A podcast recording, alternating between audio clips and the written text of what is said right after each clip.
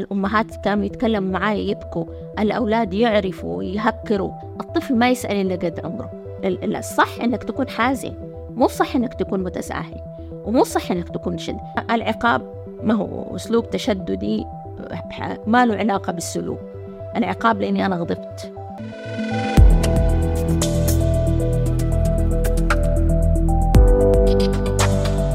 أعزائي المشاهدين والمستمعين أرحب بكم في بودكاست فقيه. حلقتنا الجديدة.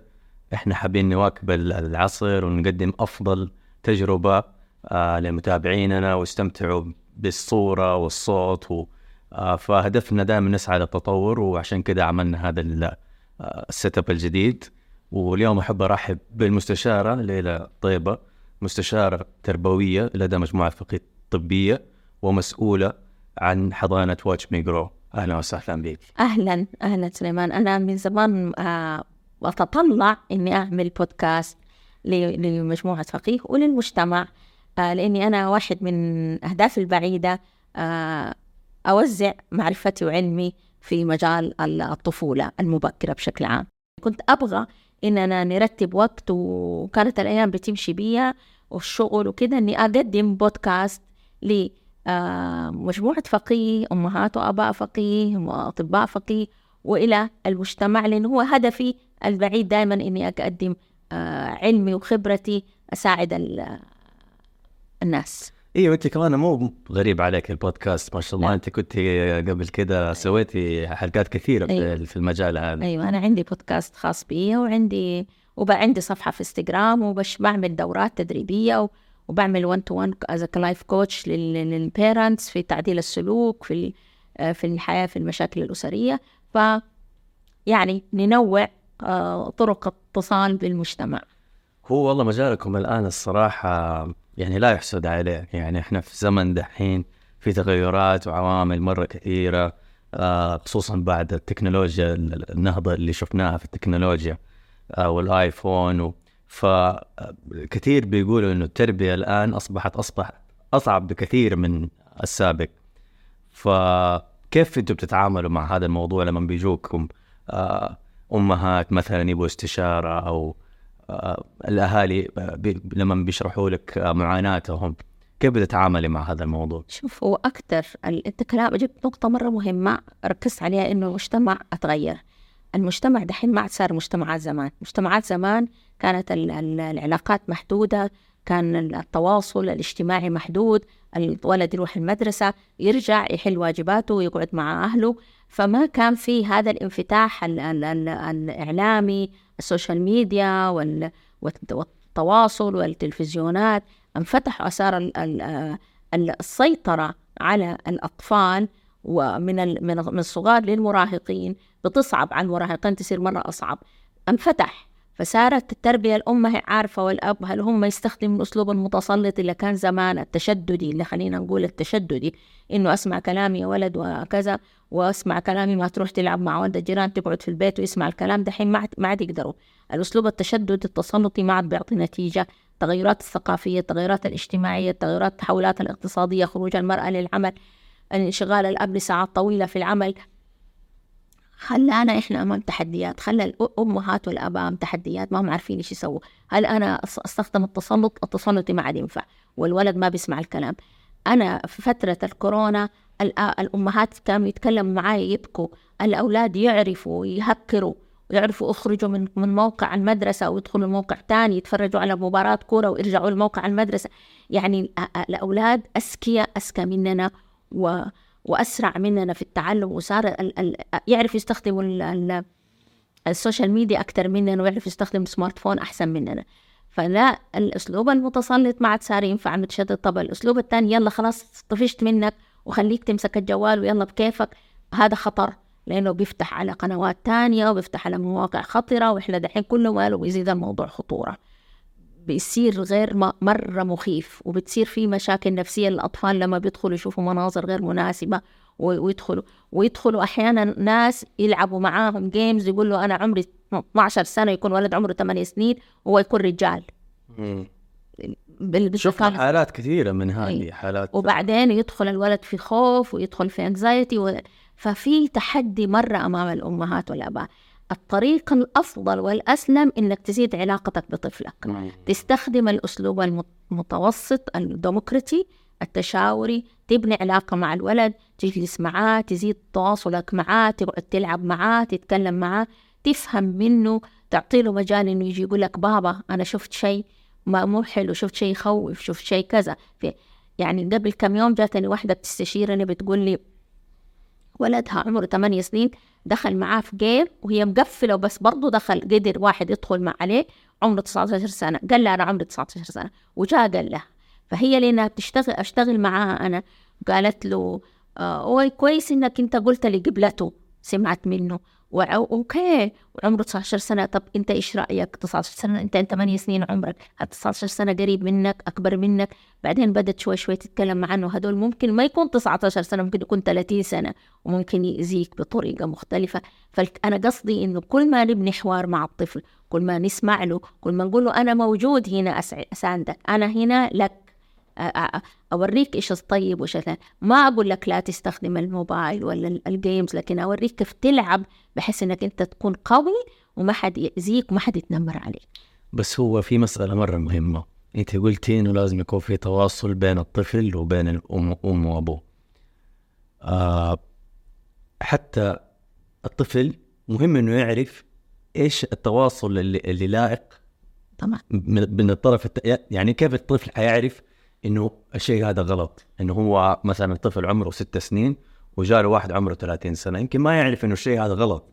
فلازم حتى الأهالي قبل لا يحصل الموقف أيوه. okay. يفهم الطفل إنه لو جاء واحد كبير آه، في السن في هذه ال video games تواصل معاك تيجي تقول لنا ما المفروض العب مع الناس اللي في سنك. هي لازم أول شيء في حاجات كثير لازم. أول شيء إني أنا أتواصل مع أولادي مو يعني إني أنا أكون متساهل. أنا أحط limits أحط قوانين. في حدود وقوانين. وقت اللعب أنا موجودة موجودة في الغرفة موجودة في البيت. مثلا اللعب من الساعة كذا للساعة كذا وحنقفل الموبايل الشاشات. يعني في تقنين. وبعدين آه، نسأل. نرمي دائما حوارات مع الأطفال. أوكي إيش اللعبة هذه؟ مين دخل معاك؟ مين أصحابك؟ يعني في طرق أنت دحين سليمان تعرف أكثر إنه في طرق الأهالي يقفلوا على بعض أشياء ويسمحوا ببعض أشياء. لو الولد دخل شيء تقول له إيش صار؟ يقول لها دخل علي مثلا واحد كذا أو ناس كذا و... وتخطى تخطى بيتخطوا القانون وبيعرفوا يكسروا ويدخلوا. تعرف الأم وبتراجع الداتا وتشوف تقول له أنا شفتك دخلت كذا إيش إيش صار؟ إيش حصل؟ لا لا تاخذ موقف عدائي من الطفل ولا تأخذ موقف هجومي ولا تعمل حكم just asking questions أسأل أرمي الكورة في ملعب الطفل وأسأله وحاوره وبعدين أقول له طب أنت إيش تتوقع نعم. حياخذ وقت حياخذ يحتاج صبر يحتاج إحنا مننا كآباء نكون واعيين نجيب نفسنا لمنطقه الوعي سليمان ترى ما هو عمل سهل it's it's a big job يعني مهم. إني أنا أجيب نفسي لمنطقة التفكير الواعي أقول كيف أقدر أساعد محمد إنه ما ي... حد يستغله؟ كيف أقدر أساعد محمد إنه ما يدخل على مواقع؟ طيب إيش يحتاج مني؟ طيب هل هل آه في شيء اسمه خصوصية لدى الطفل؟ أعلمه إنه في خصوصية لك لكن الخصوصية لحد معين. أنا ماما وبابا ما يسمع هم بخبرتهم وبعلمهم لازم يشوفوا يتابعوك لازم يفهم الطفل. لين يتدرب يصير يدخل مرحلة عمرية أكبر أترك له الخصوصية يكون أنا طمنت إنه هو عنده بدأ قدرته على الحكم صارت أحسن. شوف أقول لك دحين الدراسات السيكولوجية كلها بتقول إنه الأطفال الصغار قدرتهم على اتخاذ القرار السليم بتنمو إلى سن 24 سنة. يعني إحنا نعرف إنه الطفل ممكن يصيح يصح أو يخطئ وإنه الخطأ وارد وممكن تصير أخطاء كبيرة لأنه لسه في مرحلة نمو. عشان كده دوري أنا أم ذا أم ذا كوتش behind the child. أنا اللي جنبه أسنده. وأعرف إنه هو معرض لخطأ ومعرض كده عشان كده أنا أكون علاقتي مرة قوية بالطفل. ألعب معاه أتكلم معاه أخرج معاه. ما أكون أنا دائما آه، الحكم.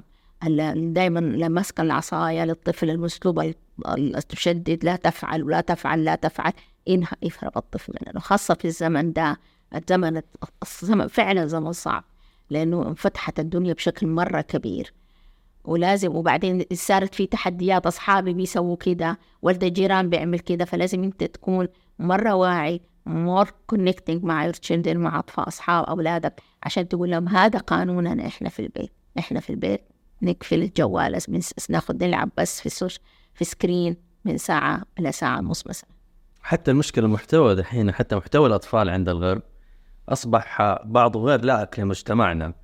فإيش دور الأهالي في مراقبة هالمحتوى؟ والله هذا مرة مشكلة. كل الأهالي بيعانوا منها وخايفين منها. لازم تكون شفافة. الأم تكون شفافة مع الطفل وتقول له إيش الصح وإيش الخطأ ونرجع نفكر إن إحنا عندنا عقيدة. نبتدي نشتغل على هذا الجانب ونسأله أنت إيش رأيك؟ إحنا مسلم أنا ولد مسلم. أنا أخاف الله أنت تفتكر قصة سيدنا لوط؟ مثلا إذا كنا بنتكلم عن جندر وما جندر تفتكر قصة سيدنا لوط؟ إيش ربنا سوى فيهم؟ ونحكي القصة نحكي لهم بشكل على قدر عمرهم. لا تعطي أنت الطفل ما يسأل إلا قد عمره. فلا لا, لا أديله على قد عمره وأشرح له إيش الفرق وإيش اللي بيصير. وتدريجيا حيبتدي يفهم وإنه هذا شيء ما هو مقبول وهذا شيء خطأ. وإنت إيش رأيك؟ وهذا هل هو صح؟ وبعدين يعني في قصص تانية في برامج تانية نحاول distract child ناخذ انتباهه لأشياء كويسة. يعني أنا حقيقي أشفق على الأمهات اللي هم أولادهم صغار في هذا الزخم الفظيع. أنت كأب لازم تحط الحدود تقول له هذا مو نقدر نسويه هذا ما نقدر نسويه. ما ينفع الأب المتسيب المتساهل ترى بيحرم أولاده متعة اتخاذ القرار يحرمهم متعة إنهم يشعروا إنهم أب وأم يحبوهم يخافوا عليهم يصير عنده عدم مسؤولية يصير متخبط التساهل ما هو صح والتشدد ما هو صح فلازم نعمل الموازنة طب كيف المعادلة يعني؟ الموازنة إن نبني علاقة مع أطفالنا آه نكون واعيين إننا إحنا نربي بال بال بال بال بالعدل بالحزم بالتروي بالحلم. وهذه ترى هذه هدي النبوي. هدي النبوي إنه الرسول عليه الصلاة والسلام كان يربي بالحلم وبالأناء وبالتروي بالإنصات. نحتاج نسمع تيجي أنت ولد تقول لي كذا كذا وأصحابي وفتحوا وشافوا وأسمعوا إيش صار وإيش صار. Don't jump to conclusions. ما يصير هذا غلط هذا حرام هذا مدري إيه هذا مو مو أسمع أسمع بعدين أسأل الطفل. الطفل يجيك 12 13 سنة اللي هم دول مرة خطيرين المراهقين إيش طب أنت إيش رأيك؟ طب لو أنت اتحطيت في ذا الموقف شو ممكن تسوي؟ طب إيش رأيك الصح؟ طب إحنا كمسلم كم صح؟ طب إحنا كأسرة حياخد وقت لكن الطفل يرجع يثق فيك شوف الطفل يبعد عن أمه وأبوه لكنه إلا يرجع لهم ويبغاهم بس الفن إني أنا كيف أكون عاقلة وكيف أقنع وكيف أحاور مو مو بالتشددي تسلطي لا تفتح لا تشوف لا ما حيصير عنده فضول من وراك يسوي. بس طيب ممكن في ناس تقول إنه هذا الطفل ما عمره سمع لا كلمة لا. يعني أحيانا الأسلوب القديم في التربية آه لابد منه. فيعني آه أنا من وجهة نظري مثلا إنه في أشياء مرة متساهلة في في, في الأسلوب الجديد في, في التربية. بيكونوا لينين بزيادة مع هذا هذا ما هو أسلوب جديد سليمان. هذا أسلوب متساهل وفي ناس زمان كانوا متساهلين ما عندهم قدرة يقول لولده لا. أنا ما بقول لك لا تقول لا. أنا أنا أقول لك أعمل التوازن ما بين لا وما بين إيوه. أحكم المعادلة حط حدود. لا الصح إنك تكون حازم مو صح إنك تكون متساهل ومو صح إنك تكون شد. الحزم يعني اننا نضع قوانين. أنا والطفل أتفق معاك. يلا متى أنت تبى تروح عيد الميلاد مع أصحابك؟ حفلات عيد الميلاد كل أسبوع. نتفق على موعد أنا وأنت مناسب ترجع فيه. بس إنك حتلتزم بهذا الموعد. هذا قانون. حنرجع حنتهي العيد الميلاد الساعة 11 خلاص ترجع الساعة 11 مثلا. أحط قانون مع الطفل. إحنا حنفتح السكرين ونتفرج عليها كل يوم من خمسة لستة. بس لما تضرب الساعة الساعة ستة حنقفل حتديني إيدك نقفل الشاشة ونروح نقرأ قصة أنا وأنت أو نروح نلعب في في الجنينة أو. في لازم حدود وفي قوانين وفي ضوابط. زي زي زي أنت دحين لما بتوقع عقد مع شركة. مو بتوقع على كونتراكت وفي قوانين دوامك وخروجك وإجازاتك وكذا وبتوافق وبتوقع عليه وبتلتزم بيه. طيب لو ما ط... لو ما لو تاخرت تاخرت تاخرت وصار عليك حسومات انت حتقبلها لأنك انت موقع اني أنا ما اتأخر. وتقبلها. هو هو حتى الطفل يتعلم إنه في قانون بس ما نحط قد كده قوانين. قوانين ثلاثة أربع قوانين على حسب مرحلة الطفل وبالاتفاق معه وفي أمهات يسووها زي اللعبة contract ونوقع ونحط stickers ونعلقها ونقرأها. دحين أنا أدرب المعلمات في الصف إنه يحطوا قوانين الأطفال. لما نجلس نسمع القصة إيش قوانين قراءة القصة؟ مع الوقت حيتدربوا. نقفل فمنا نسمع بآذاننا ونحط يدنا في عقبنا. وأنا حينما أرغب أن أسأل أرفع يدي. كل مرة تقيد عليه هذا القانون صار الطفل ملتزم وزي الروبوت بيشتغل طيب ومتى تتم العقوبة؟ وإيش العقوبة؟ كيف شكلها يكون؟ إحنا متعودين إنه زمان كانت العقوبة معروفة يا الضرب أو إيه. إحنا إحنا إحنا نسميها عواقب سلوك وليس عقوبة ما العقاب ما هو أسلوب تشددي ما له علاقة بالسلوك العقاب لأني أنا غضبت أنا أنت ما سمعت كلامي يا بابا يكون مو مو ضربوا عشان دي المرة ضربوا عشان مرات أنت طايب إنك بتعبني تك تك تك أضربك فإذا إحنا ما نسميه عقاب ولا نسميه عواقب نتيجة للسلوك. consequences. أنت اتاخرت اتفقنا إنك أنت حزت تأخر عن الساعة 11 وأنت موافق وتأخرت وجيت للساعة واحدة أنت العواقب حقت سلوكك انك الأسبوع الجاي ما حتنزلوا حفلة صاحبك خلاص مرتبط بالسلوك وليس مرتبط بأشياء. أنت دائما إنك تعمل كده دائما لا. خلاص هذه المرة وان تايم المرة دي الأسبوع الجاي ما في حفلة. خلاص هو عارف وحيقبل الإعلان ده. آه يقبل ما مثلا آه ما ما رتب غرفته خلينا نقول واتفقنا معاه إنه هو مسؤول عن غرفته وكذا ما رتب غرفته غرفة ما حد حيرتب له هي. حتقعد الغرفة مهملة حتقعد حوايجه ما تتغسل. العواقب إنه يجي يدور على ملابسه يلاقيها ما تغسلت. كتبه ضايعة ما عارف فينا هو مسؤول عنها إذا هنا بس هذه تحتاج تدريب وقبل ما نستخدم الكونسيكونسز نكون بانيين علاقة مع الطفل. هو فاهم وفاهم إنه وأنا أحبك لكني أنا زعلت فصل بين الفعل والفاعل. فابتدي يفهم الطفل إنه ما له شغل عقابه إنه ما راح عيد ميلاد صاحبه الأسبوع الجاي بس ما له علاقة بأشياء تانية إنه ما حياخد مصروفه أو ما حيقعد يلعب معايا وما حسوي كل معاه لا. مرتبط فقط بالسلوك. حيتعلم الطفل تدريجيا إنه شيء ده مرتبط. اذا هذا ليس عقاب هذا عواقب. زي اللي إحنا دحين بنعيشها. كمجتمع كشرت إشارة عواقب عاقبة السلوك حقتك دفعت الإشارة 3000 3000 ريال صح؟ 3000 إذا هي مرتبطة ما سحبوا منك السيارة. ما حرموك تسوق لكن أخذوا منك. إذا مرتبط بقطع الإشارة. هذا this is the, consequences. وتعلمها الطفل ويتدرب عليها. ويبني احترام بينه وبين الأب والأم. وفي دراسات إنه الطفل اللي أبوه وأمه حازمين ويحطوا limits ويتفقوا فيه مع الأطفال ويطبقوا لازم تكون consistent وتطبقوا يحترمهم. طيب والضرب؟ الضرب إيش رأيك أنت؟ أنا ما عندي أولاد. أنا ما عندك أولاد. الضرب كمان حطيت في موقف يستدعي الم الم إذا انتقام ما تضرب ولا أبدا الضرب ما يعلم. الضرب إهانة. الضرب عدم احترام. ليش تضربه؟ ليش تستخدم العنف؟ وبعدين تقول لا تضرب أخوك. طب أنت ضربتني بعدين تقول له أخوك تعور ضربته. طب أنت ليش تستخدم؟ الضرب أي أي إيذاء آه سليمان أي إيذاء جسدي نفسي آه كلمات ألفاظ كله لا يجوز. حتى في الشرع عندنا لا يجوز. حتى الرسول عليه الصلاة والسلام لم يستخدم أي أذى لأي إنسان. كان حليم والحلم سيد الأخلاق. ولازم نتدرب إننا نكون واعيين ونتحكم في في ردود فعلنا. يعني مفروض الفعل وليس رد الفعل. طيب بس ممكن يكون الطفل غلط غلطة كبيرة. يعني يعني في أخطاء في, في أخطاء تندرج. يعني في أخطاء بسيطة وفي أخطاء كبيرة. مهما خطأ هو ما زال بيتعلم.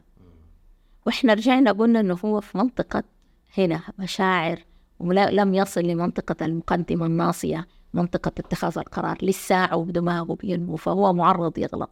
أنا لما يغلط ابني لازم أنا أول شيء أهدأ أتحكم في غضبي ها؟ والحديث ليس الشديد بالصرعة إنما الشديد الذي يملك نفسه عند الغضب. أملك نفسي عند الغضب لا تغضب أتحكم في نفسي. أجيب نفسي لمنطقة التفكير وأقول كيف أقدر أساعد محمد؟ محمد اليوم هو البطل. عندنا هو أجمل لا لا. أقول كيف أقدر أساعد محمد؟ محمد غلط سوى غلطة كبيرة. كيف أقدر أساعده؟ هو يحتاج أنا أمسك يده أقول له هذا صح وهذا خطأ. الضرب العقاب أنا هذه مشاعري وليس تعليم للطفل. أنا غضبت عشان كده ضربته. مو عشان السلوك. السلوك مرة كبير لكن ما حيتعلم بالضرب. بس غير إنه يتعلم الألم العنف الرفض. وهذه ما أبغاه. بس أحيانا الواحد يخاف من الوعيد. يعني الواحد يخاف إذا يعرف إنه هو حينضرب. حتى لو نفسه يعمل الشغلة أو المصيبة اللي بيسويها حيخاف. معناته هو خاف من العقاب وليس انضبط سلوكه. في فرق أنا أبغاك يا محمد إنك أنت ما مثلا مثلا عمره 15 12 سنة بتش يجرب سجاير مثلا. أنا أبغى أعلمه إنه هذا شيء يأذيك أنت. مو إني أط... ما تدخن عشان لا أنا أشوفك. حيقدر يحتال علي بس مدام إحنا في المدرسة ورونا فيديوهات على التدخين وأسباب التدخين والسرطانات وهذا ما نفعت مع ناس كثير يعني. ما نفعت. ما نفعت يعني لسه ما زالوا الناس بيدخنوا. آه يعني أفتكر والله واحدة من ال حادثة صارت معايا في في المدرسة آه عملوا محاضرة عن التدخين. واحد من الشباب قال لي والله مشتهي سجارة وطلع برا ويعني بعد آخر الدوام وقال والله ما استفدت من المحاضرة دي غير إني اشتهيت السجارة. فأقصد أحيانا الشخص ما يتعلم إلا من من العقاب يعني مثلا أنا تعبت وجاتني ذبحة صدرية خلاص توبة هذا للأسف للأسف هذا اللي حاصل. توعية مهمة والناس لازم تعرف ال- الجوانب الوقائية للأشياء طبعا. بس لازم نعملها بطريقة فعالة. أنا اللي شايفه دحين اللي حاصل الأساليب في هذه المسائل ما هي فعالة. okay. هو أنت لو ضربت الطفل وقلت له لا تدخن إحنا دخلنا في موضوع مرة صعب ومرة critical لو ضربت ولد عمره 12 سنة وقلت له ما تدخن حيدخن. تضربه يدخن. لأنه بي بي- بيقدر يلاقي طرق يهرب منك. ويأكل العلقة ويروح يدخن. ما ما انضبط. صار خاف بس يخاف يبعد عنك ما يشرب قدامك عشان لا تضرب لكن مو عشان هو انه التدخين بطال. الحل زي ال social media التدخين كلها أشياء خطرة. حتى زي ال- ال- ال screens وكده ياخذ من وراي. أنا أبغى أبني علاقة مع الطفل وأشتغل عليها وبعد كده أنا أتوكل على الله إني أنا أطلب من الله سبحانه وتعالى إنه يساعدني إنه بناء علاقتي مع الطفل حتعلمه انه هذا الشيء هذا صح وهذا خطأ. أنت بعدين ساعتها آه، ولد مراهق ما رد واستمر يدخل يدخن هذا قراره بس أنا أكون اشتغلت على تأسيس هذا. لكن الضرب ما علمه ما منعه. أنت قلتي حاجة مرة مهمة بناء العلاقة مع الطفل. للأسف في المدرسة القديمة دائما يقول لك آه إنه صاحب ال صاحب أبوك على كبر. خلاص لما أيوة. أنت تصير كبرت وخلاص تخرجت من المدرسة ودخلت الجامعة ساعتها تصاحب أبوك. ليش أنا استنى ليش أستنى لغاية ما ولدي يتخرج عشان أصاحبه. ما حد صاحبه بعدين خلاص. بالضبط غلط أنت عليها. لازم تبني العلاقة. أنت لما حتى لما تصاحب يعني أحد من أصدقائك أو شيء آه، هي بتتكون تدريجيا. ما بيجي والله بعد كم سنة من. المدرسة قر... أوه أوكي تخرجنا من المدرسة يلا إيش رأيك يعني؟ ما تزبط يعني. ف... كلام. كلامك مرة جميل. فمن بدري أنت من بدري من بدري. أنا أشوف وأراقب الأمهات وهذا أكثر شيء منتشر. مع الأسف الغرب علاقتهم بالطفولة أحسن لما يكبروا المراهقين بيفرط منهم الأبطال الأجانب يعني بشكل عام تبغى تتكلم مع طفلتها تقول لها أسمع أجلس أراقبهم تقول لها مثلا آه، مرة كنت أنا قاعدة في, في, في بارك وولدي أحمد كان صغير بيتمرجح والبنت صغيرة عمرها سنتين تقول لها I want the swing أبغى السوينج أبغى المرجحة قالت لها قعدت قالت لها؟ أنا أعرف إنك أنت تبغي المرجحة شوف الحوار وأعرف إنك أنت تحبي المرجح بس المرجحة الآن مشغولة بيلعب فيها طفل قبلك. لازم تنتظري دورك آه. في دور ولازم ننتظر الدور. أنا كنت بقرأ في كتاب وقفت كتابي وصرت أطالع في الأم هذه اللي بتفهم بنتها كيف إنها تتعلم السيلف ديسيبلين هنا الضبط الذاتي طيب إحنا بنشوف في الغرب زي ما أنت ذكرتي إنه بيستخدموا كل هذه الأساليب كثير بيستخدموا. أكيد في حالات ما بتستخدم الأساليب ال- اللي هي التفهم والإستماع والأشياء هذه مع الطفل. فبنشوف هذه الأساليب بتحدث بس ليش بيصير في فتور بعد كده في العلاقه في سنة 18 عشان طب هي قدمت كل شيء لبنتها.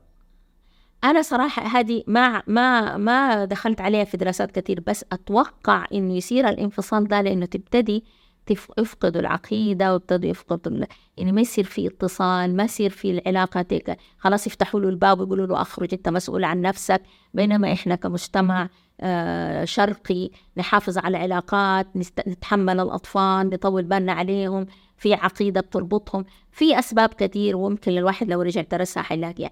بس أرجع للنقطة أقول إنه إحنا دحين بدأوا كتير أمهات يتعلموا إنهم يبدأوا. أنا بشتغل كتير على بناء العلاقة ال connection يقول لك connection before correction أبني علاقة مع طفلك أبو سنتين أبو سنة ونص أبو ثلاثة أبو دا- ودائما في حوار ودائما يصير الطفل عنده قناعة إنه يلجأ لك يرجع لك. هو صح حتى لو في أسلوبك أنت في نوع من القسوة ما حيبغى الطفل أصلا يقول لك شيء. فحيفضل يسوي الأشياء كلها من وراك وأنت ما أنت داري عن الدنيا. أنت جبت الخلاصة. آه أيوه فكل ما صرت قريب من الطفل كل ما استمعت وتكون تستمع كانه صاحبك أيوه وإيش يصير وإيش كان وأنت إيش تبغى يصير وأنت إيش في رأيك. وحوار وأنا رأيي كذا وأنا كل ما يصير الطفل عنده ثقة وعنده راحة إنه يرجع لأمه وأبوه يتناقش معهم عشان كده بناء بناء العلاقة الآن ما في شيء تقدر تغير من سلوك أطفالك وتربيهم قبل ما تكون عندك علاقتك قوية بهم طيب آه بالنسبة للتعامل مع الطفل في مواقف معينة زي العناد الزايد آه يسموها باللغة الإنجليزية التانترم إنه يفضل ما ما نعرف إيش بسماها بالعربي أيوه أيوه نوبات غضب. نوبات الغضب اللي تيجي عند الطفل فجأة وما هو راضي يوقف. كيف بتعامل معه هو-؟ هو عنده احتياج ما لم يلبى. There is a need didn't met فلازم تفهم الأم أو الأب إنه هو بيبكي أو بيسوي tantrum لازم أنا أرجع أوقف شوية وأقول إيش محتاج الولد طفل محمد. أنزل لمستواه أهديه أحطه في حضني أعلمه كيف يتحكم لأنه هنا تبتدي مرحلة ال self regulation اللي هو ال- القدرة على ضبط النفس اللي هي دي مهارة يكتسبها من هو صغير إلى أن يكبر. إذا لم يتعلم يتحكم في مشاعره وفي غضبه لما يصير كبير يصير غير محتمل. ونلاحظ كثير ناس غضبهم مرة زايد يفلت العيار تصير في حالات انفصال علاقات زوجية الرجال دائما غضبان أو. الزوجة كذا. وبنسمع عصبي أنا عصبي ما أقدر أتحكم. هذا أيوه. يبدأ من هذا العمر من عمر البيبيز. عشان كده إحنا أنا دحين معاكم في Watch Me Grow أنا بشتغل على ال self regulation وبشتغل على ال social emotional development أهم شيء بالنسبة للأطفال. فالأشياء هذه الخصال اللي بت- بتتنمى والطفل صغير ب- بتلحقه لغاية ما حتى بيتزوج. تصير مهارة مهاره الأطفال وإذا ما عنده المهارة دي ما حتكون معاه حتى على كبر يعني. حتفقدها حتى في البداية. وتبتدي فين تظهر المشاكل في المدرسة. ما يقدر يتحكم ما يقدر يوقف في الطابور. عصبي ما يقدر يوقف في الطابور يدف اللي قدامه يقوم اللي قدامه يضربه. يبتدي تصير حالات التنمر. يضربوا بعض يبتدي الناس أصحابه يبعدوا يبتدي ما عنده مهارة يبني علاقة مع أصحابه. عشان كده لأنه عصبي. طر التنمر. أنت جد- هذا موضوع مرة طويل. هذا موضوع مرة طويل. يمكن يبغى له حلقة ثانية. كمان. بس ببساطة كده يعني الطفل هذا المتنمر. إحنا على أيامنا ما كان في شيء اسمه تنمر. كنا نسميها تريقه كان في بس ما كان في مسمى. أصلا الكلمة هذه ما نعرفها. صح. أنا من أولى ابتدائي. أنا- ثانوي وأنا ما أعرف يعني إيش تنمر. كلنا تعرضنا كانت طقطقة وتريقه أنا أنا كبيرة. تعرضت في مدرسة أتذكر في سنواتي من سنواتي في المدرسة أتعرضت للتنمر لكن قدرت أتغلب عليه آه، التفوق الدراسي. فمثلا فكلنا تعرضنا للتنمر بشكل أو بآخر. أيوه بس ليش ليش الشخص أنا بتكلم ما بتكلم عن الناس اللي بتتنمر كل فين وفين. الشخص اللي هو أصلا كيانه متنمر. هو في كا- شفناهم في المدرسة. هو عنده مشكلة سلوكية. هو ما هو قادر يعمل علاقات مع الأطفال فهو اندفاعي فيأذي. عشان يا أتعلم إنه لما أأذي وأتقوى آخذ أحصل على اللي أبغاه. فعادة يكون المتنمر هو المتعب أكثر من اللي بتن... من اللي بتنمر عليه. المتنمر صعب. طبعا هذا موضوع طويل. موضوع طويل. حنعمل حلقة أكيد حنعمل حلقة خاصة بهذا الموضوع إن شاء الله. آه لأهمية الموضوع طبعا. آه نرجع ل Watch Me Grow آه الآن آه إيش Watch Me Grow؟ إيش يميزها عن باقي الحضانات اللي موجودة بخ... okay. آه أول شيء خليني أقول لك قصة ال Watch Me Grow أنا جاني اتصال من إدارة فقيه إنه إحنا نبغى عندهم فكرة الله يجزي خير الدكتور مازن.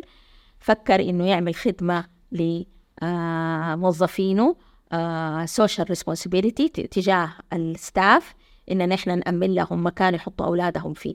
أنت تعرف اهم شيء في حياتنا؟ أغلى شيء في حياة الإنسان أو ولده. فهنا جات الفكرة وعملوا المكان وال structure وكلف تظبيط المكان بما يناسب المواصفات التربوية المعايير العالمية لمرحلة الرضاعة أربع سنين. وبدأت أنا أسست المكان وحطينا الأداة وحطيت المنهج وعملت تدريب للستاف حق الحضانة وبدينا نعلن عنها إنها بيئة تربوية تحقق المعايير العالمية لأطفال الرضع وأطفال السنتين إلى أربعة.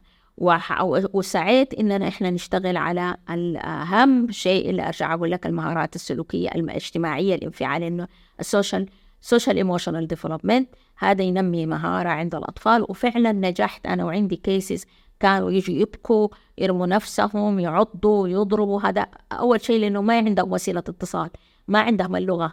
فابتدوا يستخدموا يدينهم. وبالتدريب أتحولوا لأطفال لزاز ويتكلموا ويطلبوا وبدأ مهاراتهم الاجتماعية تنمو بشكل توجه صح. قديش انت يهمك المهارات الاجتماعية في, في, في مسألة تربية الأطفال؟ أنا أقول نمبر 1 social social emotional development is number one. لأنه إذا الطفل ما عنده مهارات اجتماعية ما عنده ما يقدر يتعامل مع الناس بشكل صحيح آه، يتعرض للتنمر أو يكون هو متنمر تحصيله الأكاديمي وفي دراسات كثير التحصيل الأكاديمي يتدهور لأنه ما, هو يشعر أنه ما هو محبوب فابتدي ما يحب المدرسة لأنه المهارات الاجتماعية is, is the number one. حتى في دراسة عملها جون هوارد في هارفارد آه، عمل دراسة طولية تتبع الأطفال اللي عندهم ذكاء اجتماعي لقى إنهم هم أنجح في دراسة أنجح في حياتهم في الكارير حقهم من ناس كانوا A student. A student بس ما عنده social skills.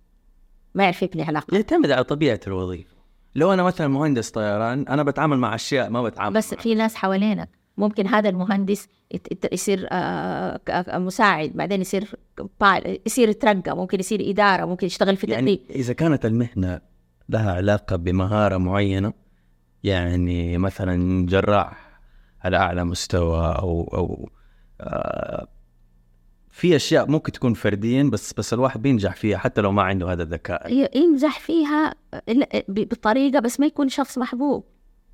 يعني جراح وشرس ويصعق على ال staff حقه ولا في ال operation room وكذا it's not skills ما عنده هذا ال skill إنه يبني علاقات. يعني علاقات مرة مهمة. وبعدين آه، قيس على أشياء كثير حتى تعامله مع المرضى. ممكن يعني أنا إيه. مثلا يكون عندي جراح آه علامة في مجاله. إيه. وجراح برضه شاطر بس ما هو زي ذاك من ناحية علمية بس عنده social skills أنا كمريض يمكن أرتاح لهذا الجراح عشان كذا تيجي تسمع الناس في المجتمع تقول لك هذا الدكتور ارتاح له بيسمعني. م. والدكتور الثاني يقول يلا خلاص. فهذا هذه كلها أشياء يعني هو في الدراسة اللي عملها لقى إنهم هدول يعني بشكل على شكل عام صار ال career حقهم نجحوا ترقوا بسرعة. صار مثلا سفير صار وزير خارجية صار جراح عنده علاقات على الأقل يكون ال client حقونك أكثر لأنه زي ما أنت قلت بتسمع لهم بتمزح معاهم بتلاطفهم. مو إنك بس يلا سويت العملية ومشيت وخلاص المريض عندي numbers. امم صح صح. okay؟ يعني أنا أنا جربت لما أنا كنت تعبانة وفي أحمد ولدي وكنت في في كندا وكذا كان الدكتور يجي ويجلس جنبي ويتكلم معايا ويقول لي انت كذا كذا المشكلة وحتاخدي وقت ان ترتاحي. بيسمعني فحسيت إني أنا أنا مرتاحة بس من كلام فهذا يعني هذا مثال بسيط. العلاقة العلاقات الاجتماعية ال social skills جدا مهمة لنجاح للنجاح في الحياة. أنا عندي ورشة كنت بعملها للأمهات. النجاح الاجتماعي نجاح في الحياة. فأهم شيء نشتغل على الأطفال أصلا في المرحلة دي ال babies watch me grow شغالين كثير على ال social emotional development طيب إحنا نختم حلقتنا على هذه النقطة. آه ليلى طيبة شكرا على جيتك أنا شكرا لك كانت حلقة جميلة وحيكون في عندنا حلقة ثانية لأنه الصراحة المواضيع ما لمسنا كل المواضيع ففي مواضيع كثير لسه ممكن نتكلم عنها. شكرا على وجودك معنا شكرا على الثقة وشكرا على الاستضافة وشكرا لفقيه إنها آه، قدمت واتش ميكرو للفريق اللي بيشتغلوا. شعروا بالأمان أكثر ومبسوطين. الله يعطيكم العافية. شكرا.